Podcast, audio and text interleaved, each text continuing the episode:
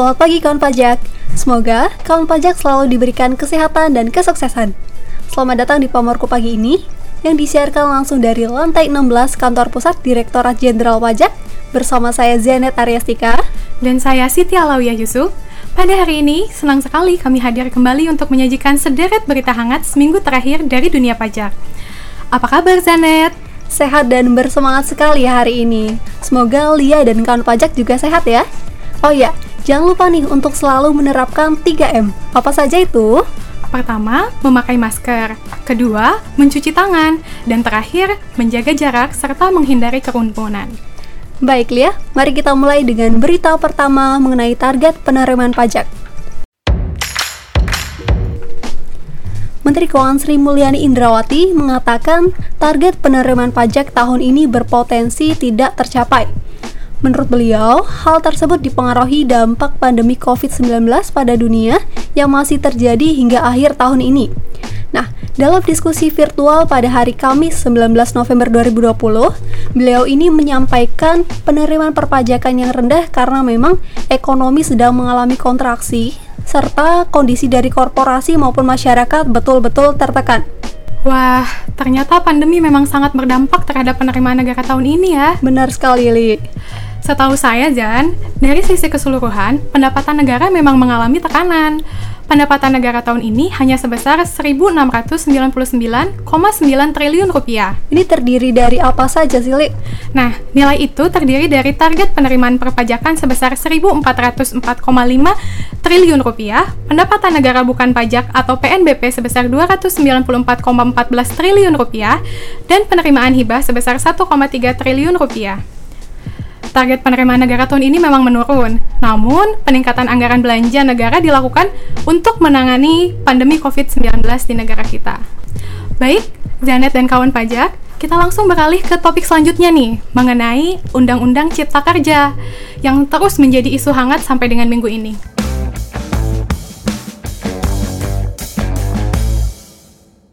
Wah, ada informasi apa nih, Li, seputar klaster perpajakan dalam Omnibus Law ini? Direktorat Jenderal Pajak, Bapak Suryo Utomo mengatakan bahwa skema baru dalam pengenaan sanksi yang diatur dalam Undang-Undang Nomor 11 Tahun 2020 tentang Cipta Kerja mampu meningkatkan kepatuhan wajib pajak.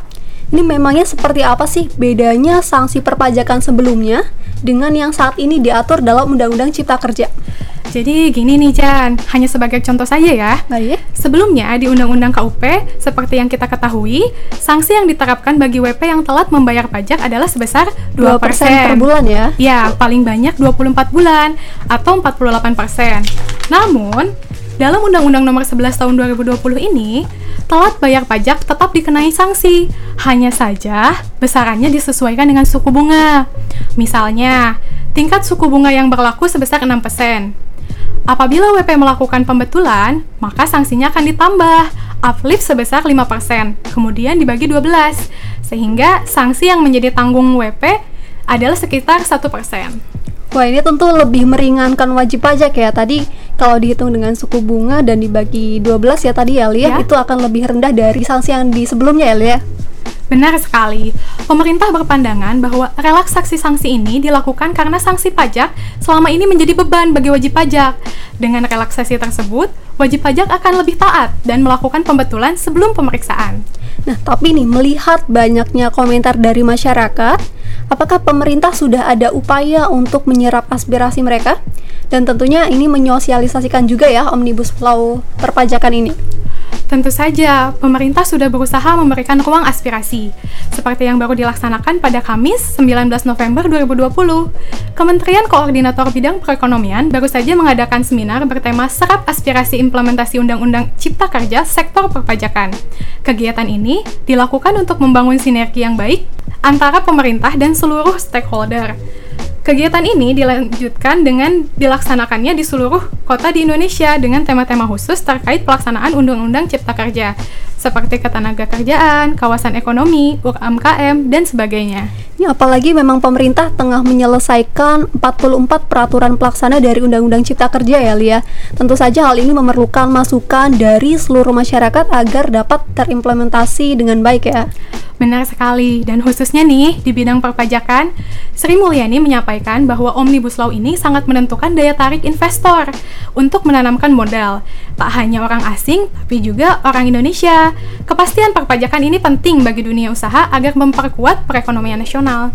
Baik di tengah perlambatan perekonomian global, semoga Omnibus Law perpajakan ini dapat mendorong kemudahan berusaha dan menyerap tenaga kerja selas-selasnya ya.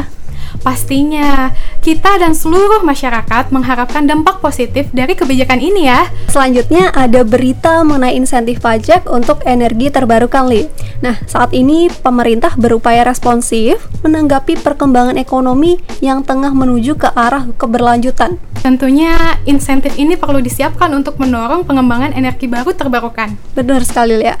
Nah ini mengacu pada rancangan peraturan presiden tentang pembelian tenaga listrik EBT oleh PT PLN terdapat 5 poin insentif fiskal. Apa saja tuh poinnya? Nah ini ada pertama fasilitas PPH berupa tax holiday atau tax allowance. Kedua fasilitas impor berupa pembebasan PPN impor, bea masuk dan pengecualian PPH pasal 22 impor. Ketiga, ada fasilitas keringanan PBB kegiatan usaha panas bumi. Kemudian keempat, ada dukungan eksplorasi panas bumi dan atau penyediaan data dan informasi panas bumi. Dan yang kelima ini dukungan pembiayaan khusus, dana atau penjaminan melalui BUMN yang ditugaskan oleh pemerintah Li. Ngomong-ngomong tentang energi terbarukan nih, pemerintah juga tengah menyiapkan insentif untuk produk maupun industri yang mendukung keberlanjutan dan memiliki eksternalitas negatif. Langkah konkret yang telah diambil oleh pemerintah adalah dengan memberikan insentif untuk mobil listrik melalui Peraturan Presiden Nomor 55 Tahun 2019 tentang percepatan program kendaraan bermotor listrik berbasis baterai untuk transportasi jalan. Seperti yang kita ketahui, mobil listrik mempunyai eksternalitas negatif yang lebih rendah dibanding dengan mobil berbahan bakar minyak. Benar sekali. Dan ini ya Badan Kebijakan Fiskal sebenarnya sudah lama menggagas pajak emisi karbon ini. Dan dalam penentuan tarif cukai produk yang memiliki eksternalitas negatif lebih kecil alias pro lingkungan seharusnya dikenakan cukai yang lebih rendah. Setuju nggak ya? Setuju sekali. Kalau harganya lebih affordable, konsumen juga akan lebih tertarik dengan mobil listrik ini karena dia bisa merasakan fasilitas berupa harga yang lebih terjangkau. Betul. Selanjutnya ada berita lagi nih tentang kerjasama antara PT Pegadaian dan Direktorat Jenderal Pajak.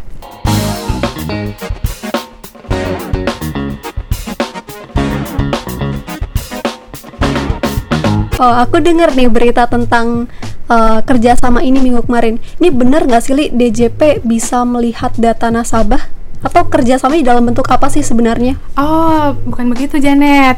Jadi kerjasama ini berupa penandatanganan nota kesepahaman tahap 2 dan ini mencakup aktivitas verifikasi berupa sinkronisasi ketentuan perpajakan, jenis pajak yang dipungut, serta akun atau mata anggaran yang berlaku di pegadaian.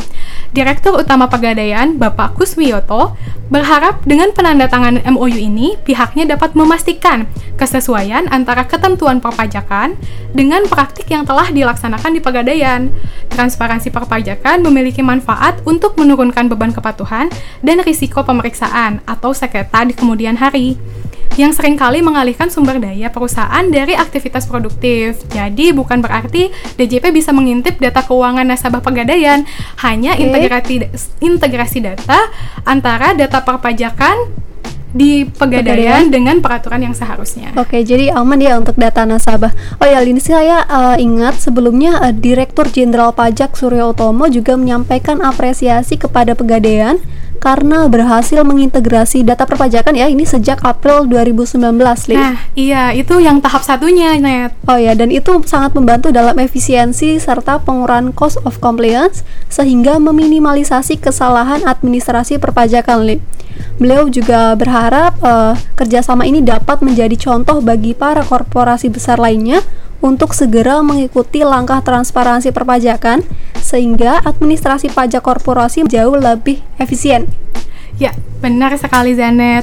Semoga langkah ini segera diikuti oleh korporasi-korporasi besar lainnya ya. Semoga ya. Sehingga tingkat kepatuhan dapat lebih meningkat dengan cost of compliance-nya yang lebih rendah.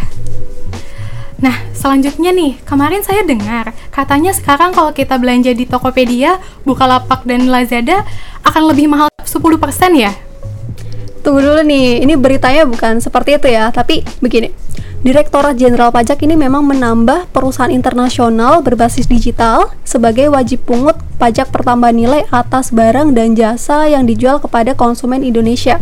Tapi bukan uh, berarti kalau kita uh, beli di Tokopedia atau Bukalapak itu langsung kena PPN 10%. Untuk lebih lengkapnya kita simak dulu saja ya paparan Direktur Penyuluhan, Pelayanan dan Hubungan Masyarakat, Bapak Hestu Yoga Saksama. Yang kita perlu sampaikan bahwa ini pada level pada area PPN dulu ya, pajak pertambahan nilai, kita belum melangkah untuk yang income tax atau pajak penghasilan dari para pelaku digital dari luar negeri.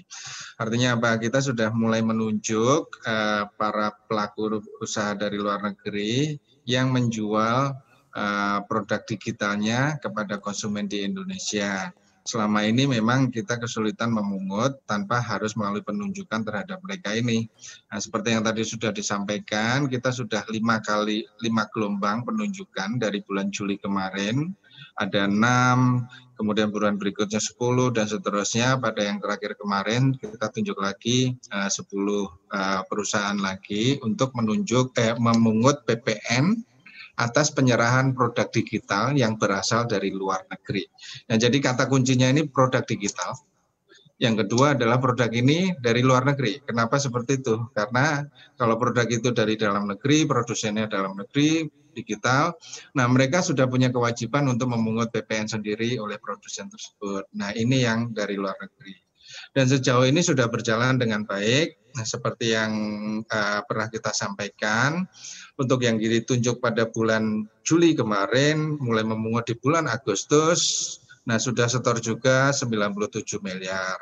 Nah, di gelombang kedua 10 eh, perusahaan plus 6 perusahaan yang gelombang pertama tadi mulai memungut di bulan September.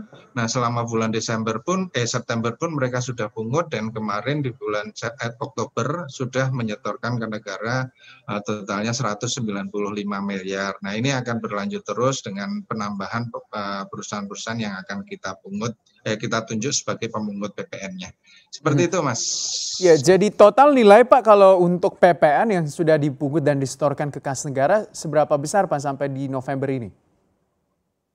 Ya, sampai dengan uh, bulan pemungutan September yang disetornya di bulan Oktober dan November ini yang saya sampaikan tadi 97 miliar plus 195 jadi 290 miliar tanah yang sudah masuk dan ini setiap bulan akan bertambah terus sejalan juga dengan eh, semakin banyaknya perusahaan yang kita tunjuk sebagai pemungut PPN. Jadi kalau kita beli produk dalam negeri di Tokopedia tidak dikenai PPN lagi kan? Benar sekali, karena kalau produk dalam negeri itu PPN-nya sudah dipungut oleh produsennya ya. Jadi pemungutan PPN digital kemarin kuncinya ada di produk digital dan berasal dari luar negeri. Hmm. Jadi tenang aja, ini sebenarnya untuk menyimbangkan pembelian dari dalam negeri dan luar negeri. Li. Sejak kapan sih PPN digital ini berlaku?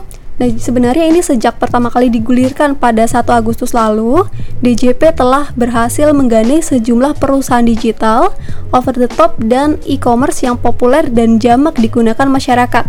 Di antaranya ini ada Netflix juga, Spotify, Google, Facebook, Tokopedia, dan Bukalapak berapa sih uh, penerimaan negara yang diperoleh dari PPN digital ini nah, sampai saat ini? Ini hingga akhir Oktober lalu ya, Li. Perolehan setoran pajak digital yang berhasil dikantongi negara itu mencapai 195 miliar, Li. Meningkat dari realisasi akhir September sebesar 97 miliar rupiah. Ternyata sudah lebih dari 200 miliar ya Benar ya dikantongi sekali. negara dari pajak digital ini. Sedikit menambahkan nih Zanet, Menteri Keuangan Sri Mulyati Indrawati menuturkan upaya pemerintah untuk menarik pajak dari transaksi barang tak terwujud akan terus dilakukan, mengingat potensinya masih besar untuk menambah penerimaan negara. Saat ini, pajak digital telah masuk menjadi salah satu agenda pembahasan perpajakan yang penting dengan negara lain. Nah, semoga pajak digital ini bisa terus berlanjut ya Lia dan bisa menambah pendapatan negara. Oke Lia dan kawan pajak, tadi serangkaian berita pajak dalam minggu ini. Terima kasih Lia dan kawan pajak yang sudah mendengar. Terima kasih kembali Zanet dan jangan lewatkan update berita pajak melalui Pamarku, podcast kesayangan kita semua pada semua platform podcast kesayangan Anda. Sampai jumpa.